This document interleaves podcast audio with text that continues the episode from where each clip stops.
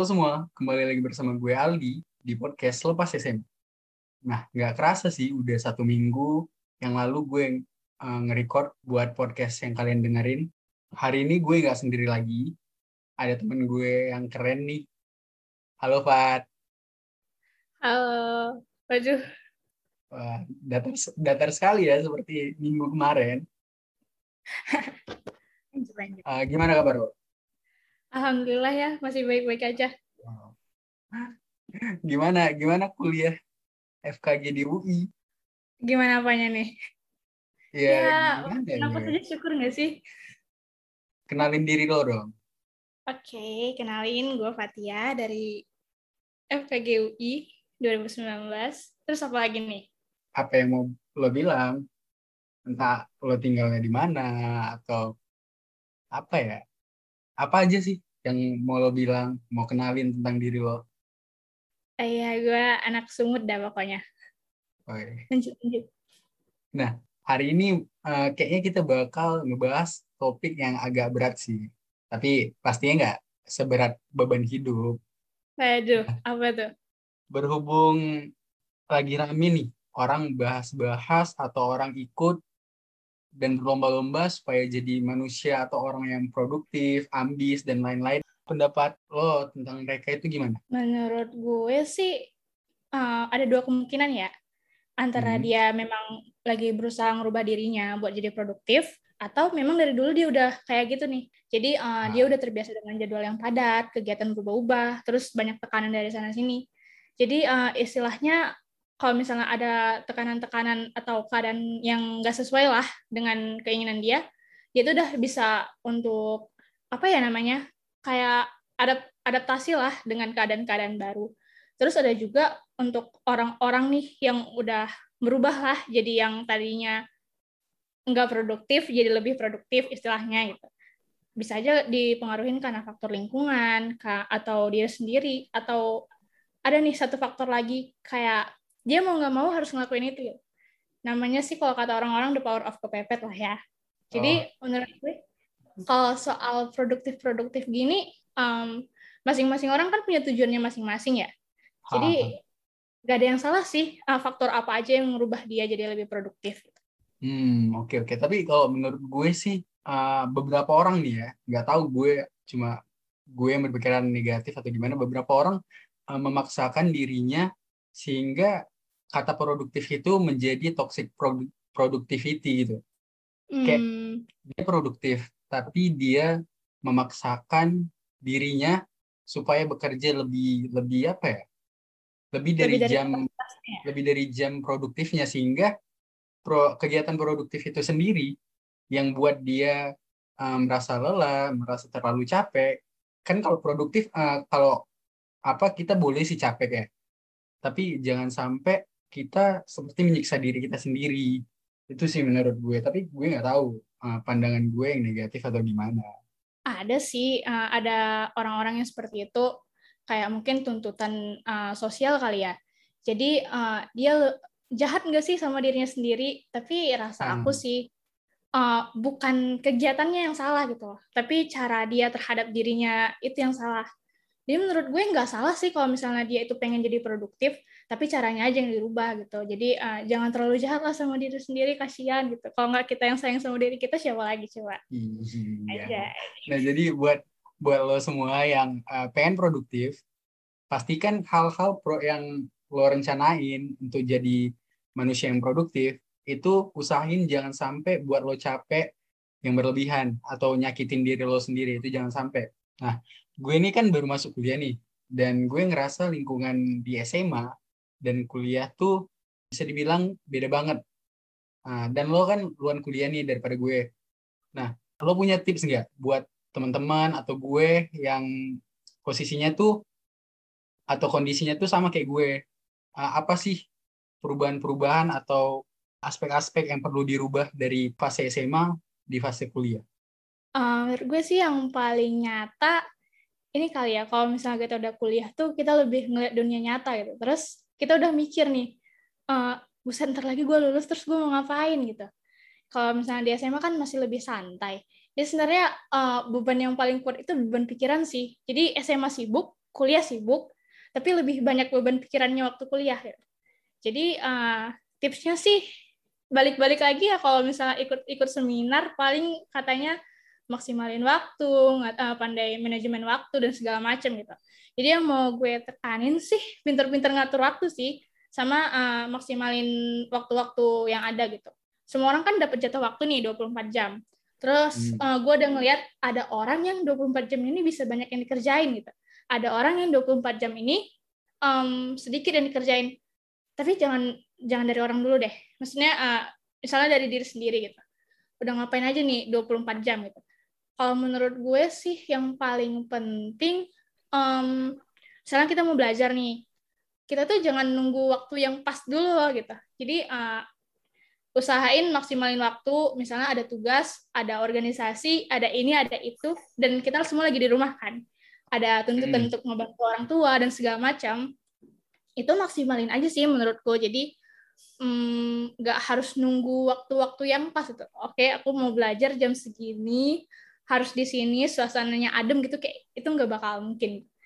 Bisa sih cuman nggak maksimal aja waktunya. Jadi uh, misalnya sebelum mau tidur nih baca-baca lah selembar dua lembar buku atau hal-hal yang belum lo ngerti gitu. Atau misalnya lagi mau apa gitu di di kereta atau di mana um, baca baca-baca hal lain atau ngerjain hal lain aja gitu. Jadi kerjaan lu semua beres dan lu nggak stres gitu. Kalau misalnya lu terlalu uh, perfeksionis ngatur jadwal gue harus belajar kayak gini, gue harus ngerjain ini di sini gitu, itu nggak bakal bisa sih, uh, dan bakal stres juga. Jadi uh, nyambi-nyambi aja sih. Kalau misalnya ada kerjaan nih ngedit misalnya, uh, ya udah sambil santai-santai ngedit sebentar, terus tinggalin, sambil santai-santai ngerjakan hal lain, terus tinggalin gitu. Terus paling kalau udah kuliah itu utamain kualitas sih daripada kuantitas. Gue pernah waktu itu ada di posisi sibuk, dan pernah juga ada di posisi nggak sibuk gitu. Dan besoknya mau ujian. Dan hasilnya sama aja menurut gue. Waktu gue sibuk gue udah ngatur jadwal nih. Oke jam segini sampai jam segini gue mau ini uh, habis itu lanjut ini lanjut itu. Terus semuanya kelar. Sementara waktu gue nggak sibuk jadi nggak ada yang gue kerjain. Kayak cuman belajar padahal materinya itu juga. Terus um, baca-baca bukunya dari pagi sampai malam. Hasilnya sama waktu gue waktu gue sibuk kemarinnya itu gitu jadi menurut gue bukan perkara sempat nggak sempat sih. Belajar lu berkualitas nggak, yang lu lakuin berkualitas nggak gitu. Lu capek-capek belajar sampai larut malam, tapi kalau misalnya uh, kualitas belajar lu kurang, menurut gue sih agak-agak guna sih maksudnya, tapi um, nggak nggak apa ya namanya waktunya jadi lebih terbuang aja gitu sementara banyak hal yang bisa lo lakuin di luar itu um, banyak orang yang gue lihat dia sibuk nih sebenarnya tapi IP-nya aman. Di mana-mana dia kepake gitu misalnya. Itu karena menurut gue dia bisa ngemaksimalin waktunya sama dia mengutamain kualitas sih. Sama nah, gue iri banget iri banget sih lihat orang yang uh, uh, bisa nongkrong bisa uh, santai tapi tiba-tiba pas hasil atau yang dia dapatkan itu uh, di atas di atas kita yang berusaha lebih. Kadang sih gue eh kok gini sih? Tapi mungkin mungkin seperti yang lo bilang ya uh, kualitas lebih penting daripada kuantitas. Ya kan lo nggak tahu apa yang dia kerjain waktu nggak ada orang gitu. Ah, itu bisa, itu aja bisa jadi. Ya. nah iya sambil nongki dia ngerjain ini sambil nongki dia ngebalasin chat orang untuk organisasinya jadi di rumah udah beres dia tinggal belajar gitu misalnya. Itu biasa nah, aja sih uh, itu kan dia berarti memaksa dirinya supaya terbiasa dengan uh, keadaan tersebut. Kan kita nggak mungkin pada dasarnya orang sih pengennya santai-santai aja ya.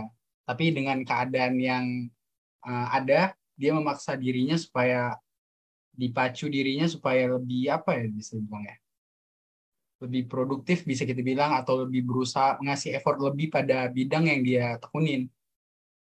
Iya nggak sih? Hmm, benar-benar. Nah, orang yang dipaksa menjadi produktif dengan keadaan itu pastinya kan punya fase gagal supaya membentuk dirinya seperti sekarang tuh. Berarti dia mencoba berubah menjadi uh, lebih baik. Dan menurut lo, kenapa sih seseorang tuh uh, harus berubah atau berinovasi pada dirinya sendiri? menurut gue sih semua semua yang terjadi ini ala bisa karena biasa gitu kan. Jadi hmm. uh, mungkin motivasi orang untuk berubah itu banyak gitu. Mungkin karena uh, yang itu tadi dia terpaksa untuk berubah dan segala macam. Um, jadi kita tuh intinya gini deh. Kita tuh harus sadar kalau misalnya dunia ini tetap berjalan gimana pun keadaan kita gitu. Dan kita nggak bisa minta waktu nih buat kita istirahat dulu istilahnya gitu kan tapi kita memang harus uh, sayang sih sama diri kita sendiri. Jadi uh, kita tuh nggak bisa minta waktu untuk nunggu kita. Kayak ntar deh gue capek banget nih uh, berhentikan dulu dong kegiatan di dunia ini kan itu nggak bisa ya. Jadi um, dan ke depannya juga kita harus hidup mandiri gitu. jadi menurut aku mau nggak mau kita harus bertanggung jawab sama diri kita sendiri. Ya kayak yang dibilang tadi hmm, mungkin awalnya kita terpaksa ya. Tapi kan lama-lama jadi lebih enjoy asalkan menurut gue sih jangan karena orang lain ya faktor terbesarnya. Lu bakal capek gitu. Sementara orang lain juga nggak nggak peduli nih sama proses lu gitu. Jadi uh, lakuin itu untuk diri sendiri sih untuk orang-orang terdekat dan orang-orang yang yang peduli lah istilahnya. Jangan motivasi besarnya jangan apa ya kalau bahasa kasarnya itu jangan buat balas dendam gitu dan lu bakal capek. Orang nggak akan peduli dengan proses lu kalau misalnya lu gagal orang bakal ngelihat kegagalannya aja gitu. Jadi ya nggak apa-apa buat gagal nggak apa-apa buat coba lagi. Yang penting jangan berhenti gitu. Jadi lu boleh istirahat boleh segala macam hal-hal yang pengen lu lakuin. Tapi jangan pernah berhenti buat jadi pribadi yang lebih baik. Dan produktif menurut orang-orang itu setiap orang beda ya. Nggak ada patokan lu akan bisa dibilang produktif kalau lu udah ngelakuin hal ini ini ini ini jadi ya santai aja proses gue proses gue proses lo proses lo gitu. Kita jalan di jalan kita masing-masing gak usah saling ngebandingin aja sih menurut gue. Ya bener banget. Karena gue percaya satu hal salah satu hal yang gue percaya nih motivasi terbesar adalah diri lo sendiri. Jadi uh, buat motivator mungkin yang ikut motivasi uh, kelas-kelas motivasi atau seminar motivasi mungkin bakal ngebantu ngepush diri lo menjadi lebih baik tapi faktor terbesar adalah diri lo sendiri. Mau sehebat apa pun motivatornya atau mau sehebat apa pun yang ngasih semangat buat lo tapi kalau diri lo sendiri nggak termotivasi atau nggak punya apa ya namanya nggak punya semangat buat ngejar apa yang lo mau kayaknya itu bakal bakal apa ya bakal sulit sulit banget sih. Dan lawan ya. terbesar kita sebenarnya bukan orang lain seperti yang lo bilang, karena lawan terbesar kita itu diri kita sendiri. Benar. Dan kita itu harus berdamai lah sama kegagalan-kegagalan kita di masa lalu. Menurut hmm, gue. Masalah masalah beban atau keadaan yang memaksa lo supaya berubah. Menurut gue uh, yang berhubungan dengan kebetulan kan selepas SMA ini bergerak di bidang informasi seputar perguruan tinggi nih jadi buat lo semua yang gimana ya bilangnya? Ini mungkin sedikit lebih apa ya? Sedikit ekstrim katanya atau sedikit mungkin menyinggung. Nah, buat lo yang uh, mungkin bisa dibilang ekonominya sederhana atau ekonominya pas-pasan dan dan lo pengen buat masuk perguruan tinggi atau melanjut pendidikan ke lebih yang tinggi, otomatis buat meminimalisir atau meminimal pengeluaran, lo pastinya harus masuk perguruan tinggi negeri supaya uh, mungkin UKT atau dari segi uh, alat-alat mungkin terbantu dengan berbagai macam bantuan dari universitas ataupun dari uh, organisasi-organisasi lain ataupun dari perusahaan lain. Dan supaya dapat PTN atau perguruan tinggi negeri lo harus merubah diri lo lo harus memaksa diri lo. Karena misalnya nih ada si A dia mohon maaf nih ya dia nggak punya uang yang lebih buat masuk perguruan tinggi selain perguruan tinggi negeri. Misalnya dia nggak sanggup nih buat masuk swasta karena mungkin terlalu mahal. Dan mau nggak mau dia harus dapat negeri. Dan kalau dia tuh males-malesan gue rasa dia nggak bisa buat dapat sih. Dan dia harus memaksa dirinya supaya lebih produktif atau supaya contohnya belajar UTBK mati-matian walaupun nggak bimbel harus ngasih effort lebih di belajar UTBK karena mau nggak mau uh, keadaan yang memaksa lo supaya lo berubah menjadi lebih baik. Itu sih menurut gue. Ya, tapi menurut menurut gue sih kayak it's okay lo gimana keadaan lo awalnya itu bukan salah lo gitu. Jadi apa pun yang terjadi, misalnya udah di titik mau mentok, cari jalan lain gitu. Uh, misalnya mencari beasiswa atau segala macam. Uh, dan lo harus yang lo harus tahu sih kayak kita sering gak sih ngerasa kita itu orang yang paling nggak beruntung di dunia gitu. Ah, ya. Setiap orang Karena pasti kita, pernah ngerasa dirinya itu ah, nah, apa cuma gue yang begini kok gue begini sih gitu kan. Nah itu lu ngeliat sosial media misalnya gitu, lu nggak usah khawatir gitu. Karena kenapa lu bisa ngerasa diri lu orang yang paling nggak beruntung? Karena lu kenal sama diri lu sendiri gitu, dan lu nggak sekenal itu sama orang lain. Bisa jadi um, yang lu tunjukin juga dirasa mereka um, kalau mereka itu nggak seberuntung lu gitu. Jadi um, menurut gue karena lu kenal sama diri lu sendiri, jadi lu tahu kalau misalnya apa-apa yang buruk dalam diri lu, apa-apa yang nggak sempurna dalam diri lu. Dan lu nggak sekenal itu sama orang lain bisa jadi itu orang juga beban hidupnya berat gitu loh. Tapi karena lu nggak masuk ke dalam dirinya aja, gitu. jadi nggak usah bandingin sama orang lain, tetap itu tadi tetap jalan di jalurnya masing-masing, proses orang beda-beda, bisa jadi waktu lu nggak tahu di sosial medianya dia bahagia banget gitu atau di mana-mana dia bahagia banget dia juga punya titik berat kayak lu dan dia nggak nunjukin. Lu juga nggak nunjukin ke orang gitu. Jadi uh, jangan banding bandingin boleh bandingin diri sendiri sama orang lain biar kita tahu lonjakan kita udah setinggi apa gitu. Tapi jangan jadi patokan utama sih. Patokan utama itu tetap diri lo sendiri diri lo yang kemarin sama diri lo yang hari ini gitu. Udah sejauh apa lu berubah? Jangan jangan bandingkan sama orang lain sih kalau menurut gue. Karena bakal capek banget. Hmm, bener banget. Uh, ketika kita bandingin kita sama orang lain tuh nggak bakal ada habisnya. Misalnya ini uh, gue ngebandingin diri gue sama si A. Ketika gue melampaui si A gue ngelihat si B lebih dari gue. Yeah. gue lampauin lagi. Nanti gue lihat si C dan nggak bakal ada habis-habisnya ketika kita ngebandingin diri kita sama orang lain tapi terkadang itu juga perlu. Terkadang ya uh, garis bawahin terkadang ya tapi jangan selalu gitu. Lu dengan ngelihat orang lain lu tahu nih oke kita uh, sama-sama punya waktu 24 jam kenapa lu bisa gua nggak bisa. Berarti lonjakan gue uh, kurang tinggi daripada lonjakan lo gitu. Sebatas itu aja gitu. Jangan hmm.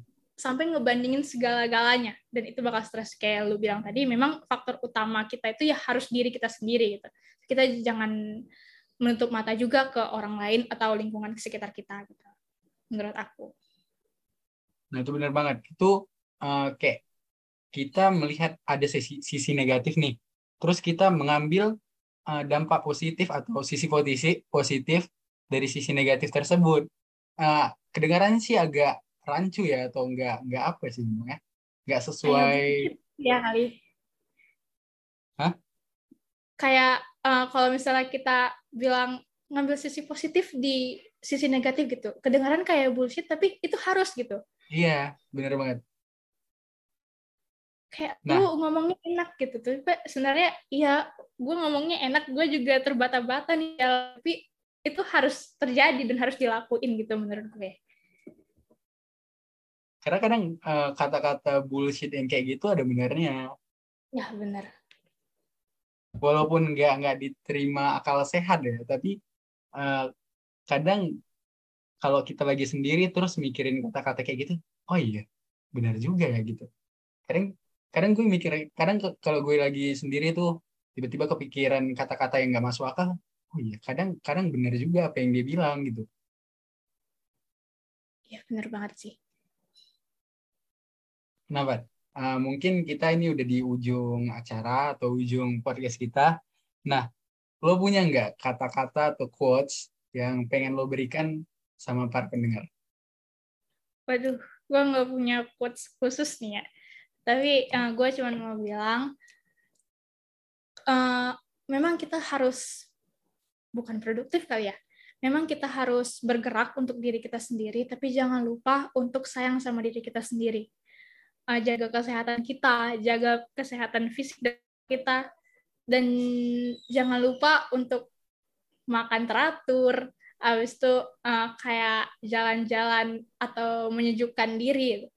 jangan jadikan uh, kegiatan produktif uh, sama kegiatan ambis-ambis kita ini jadi penghalang kita buat kita bahagia ke depannya. Asik. Agak perhatian ya quotes-nya.